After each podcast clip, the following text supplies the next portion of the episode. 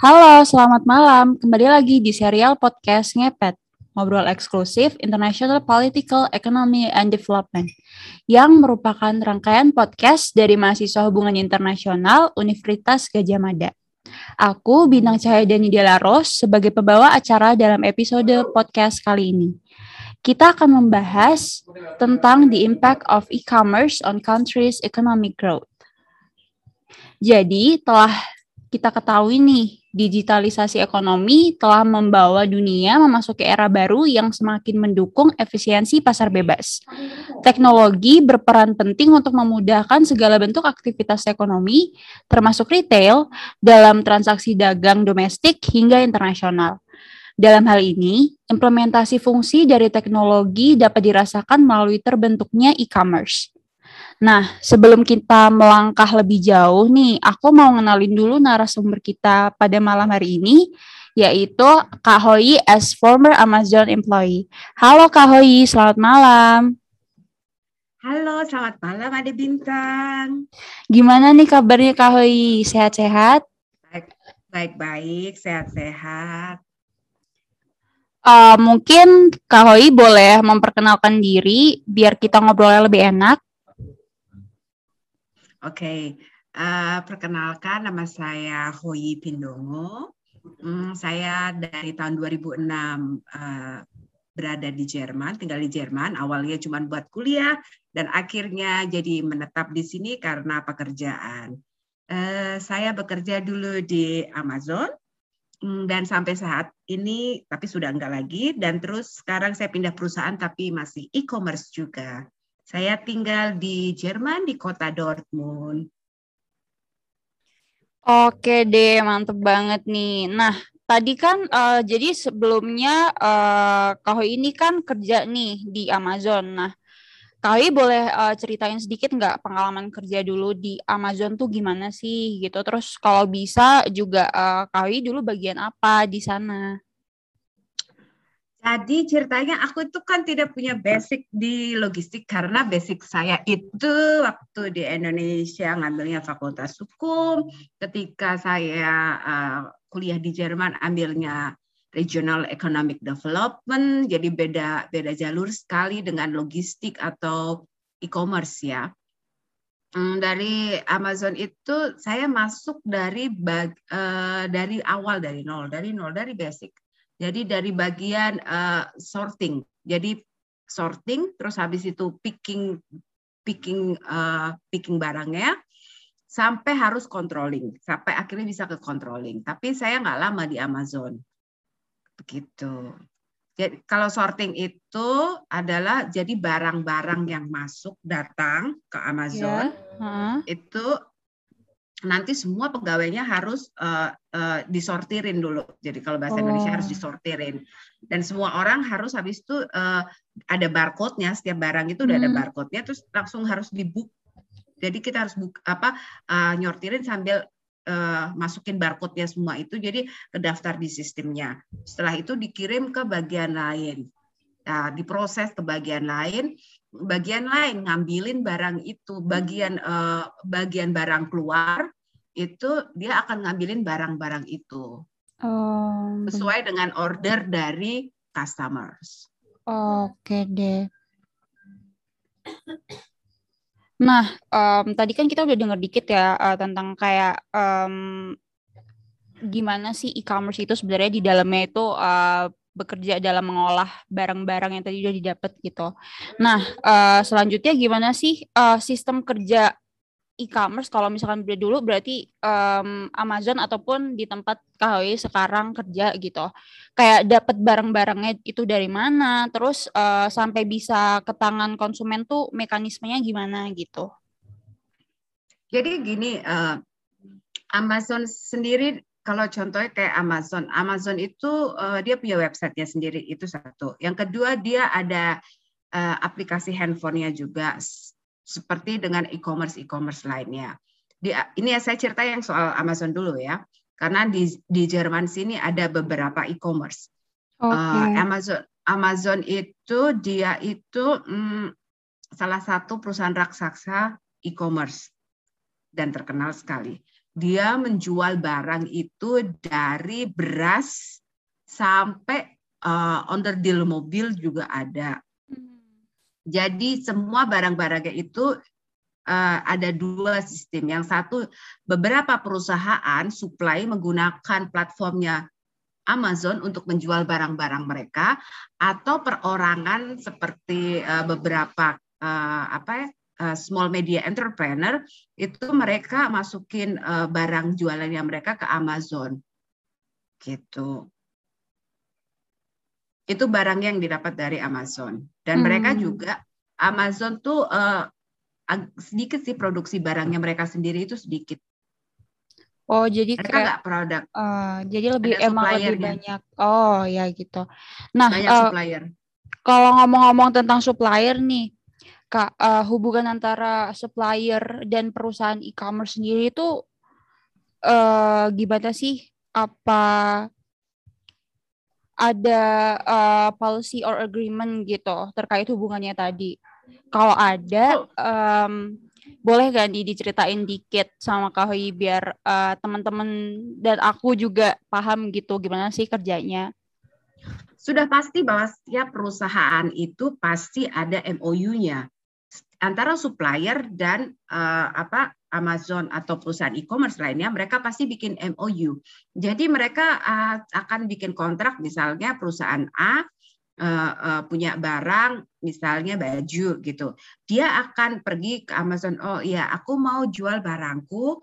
Kira-kira bisa nggak aku uh, kontrak dulu satu tahun perjanjiannya?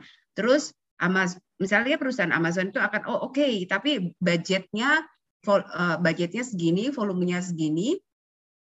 Kalau kamu mau pengiriman melalui saya berarti nanti uh, uangnya uh, uangnya ada budget-budget tertentu, terus uh, sewa ruangan tempatnya juga ada uh, ada ada um, harga tertentu. Seperti itu. Tergantung berapa waktu jangka uh, panjang uh, kontraknya sama berapa volume ruangan yang mau dibutuhkan oleh mereka juga untuk barang-barang mereka. Oke deh. Uh, nah, terus uh, kan sekarang lagi pandemi nih ya, kak. Uh, mm. Terus uh, pendapat kakak tentang uh, e-commerce sendiri di pandemi ini itu gimana? Kayak bakal jadi bagus atau malah menurun gitu? Uh, yang terjadi kalau di Jerman, Belanda atau Uni Eropa itu e-commerce itu nomor satu yang terjadi. Karena ketika lockdown, kita memang nggak lockdown total, supermarket masih buka. Tapi kayak toko baju, toko sepatu, toko segala macam pernik-pernik dan retail lainnya mereka tutup. Jadi orang-orang yang membutuhkan uh, apa namanya kado, mau beli kado, mau beli baju, karena mereka juga apa sih istilah kekinian sekarang gabut gitu ya, itu nggak ada nggak ada kerjaan gitu kan atau mager gitu. Mereka uh, apa namanya uh, mereka butuh mereka butuh apa ya mereka butuh shopping jadinya ya yang jadi salah satu uh, tempat untuk shopping adalah uh, e-commerce online shopping karena mereka nggak pernah tutup gitu Oh iya sih ya Kak, uh, itu juga mungkin uh, banyak terjadi juga nih di Indonesia, apalagi kayak uh, kita yang mager-mager di rumah ini jadi kayak dikit-dikit Shopee, dikit-dikit apa gitu kan. Mm -hmm. Nah, uh, terus kalau e-commerce ini itu kan tadi aku lihat uh, naik kan, berarti waktu pandemi. Nah, ada nggak sih persaingan sama e-commerce e-commerce yang lain gitu? Atau mungkin uh, malah e-commerce ini uh, gangguin UMKM nggak gitu uh, bagi mereka yang nggak ikut ke uh, dalam e-commerce itu sendiri? Efeknya pasti ada, efeknya itu pasti ada. Uh, terlebih di tempat aku tinggal itu banyak toko yang tutup karena ada uh, persaingan e-commerce. Tapi sebenarnya ketika sekarang-sekarang ini sebenarnya kalau nggak ada pandemi itu tuh uh, ada orang yang lebih suka online shopping, ada orang yang masih suka pergi ke toko nyobain barangnya, megang barangnya, itu juga masih ada. Itu yang membuat toko-toko kecil uh, itu masih buka. Atau halnya seperti halnya kalau misalnya orang-orang yang pecinta uh, um, kayak ini loh uh, apa sih anak-anak green anak-anak green go green pecinta uh, apa pokoknya nggak suka uh, terlalu banyak kardus atau paket karena itu merusak iklim nah itu mereka lebih suka pergi ke ke toko beli barangnya daripada um, apa namanya beli di online. Itu juga masih ada anak-anak yang seperti itu atau orang-orang seperti itu. Gitu. Jadi impactnya nggak terlalu ya impactnya ada sih kalau lagi lockdown jadi toko tutup. Oke deh, iya sih kayaknya itu juga uh, banyak berlaku, udah banyak berlaku di Indonesia sendiri. Kayak uh, sekarang Indomaret aja udah mulai menyediakan uh, tote bag gitu. Jadi uh, kesannya kayak offline tuh emang lebih apa ya, lebih um, mendukung tadi gerakan go green gitu dan sebagainya. Nah, tapi kalau misalkan uh, persaingan e-commerce-nya sendiri itu gimana tuh uh, kak? Persaingan e-commerce dan e-commerce maksudnya? Iya, persaingan e-commerce dan e-commerce atau mungkin e-commerce sama um, apa online shop yang gak masuk Lain. ke dalam ya gitu yang nggak masuk ke dalam e-commerce tadi. E-commerce dan e-commerce itu persaingannya adalah mm, di harga, di kecepatan pengiriman, harga, kecepatan pengiriman, terus kualitas barang sampai di tempat customer itu gimana? Itu tetap ada. Jadi kayak misalnya saya punya produk, uh, saya punya produk merek Hoyi gitu kan.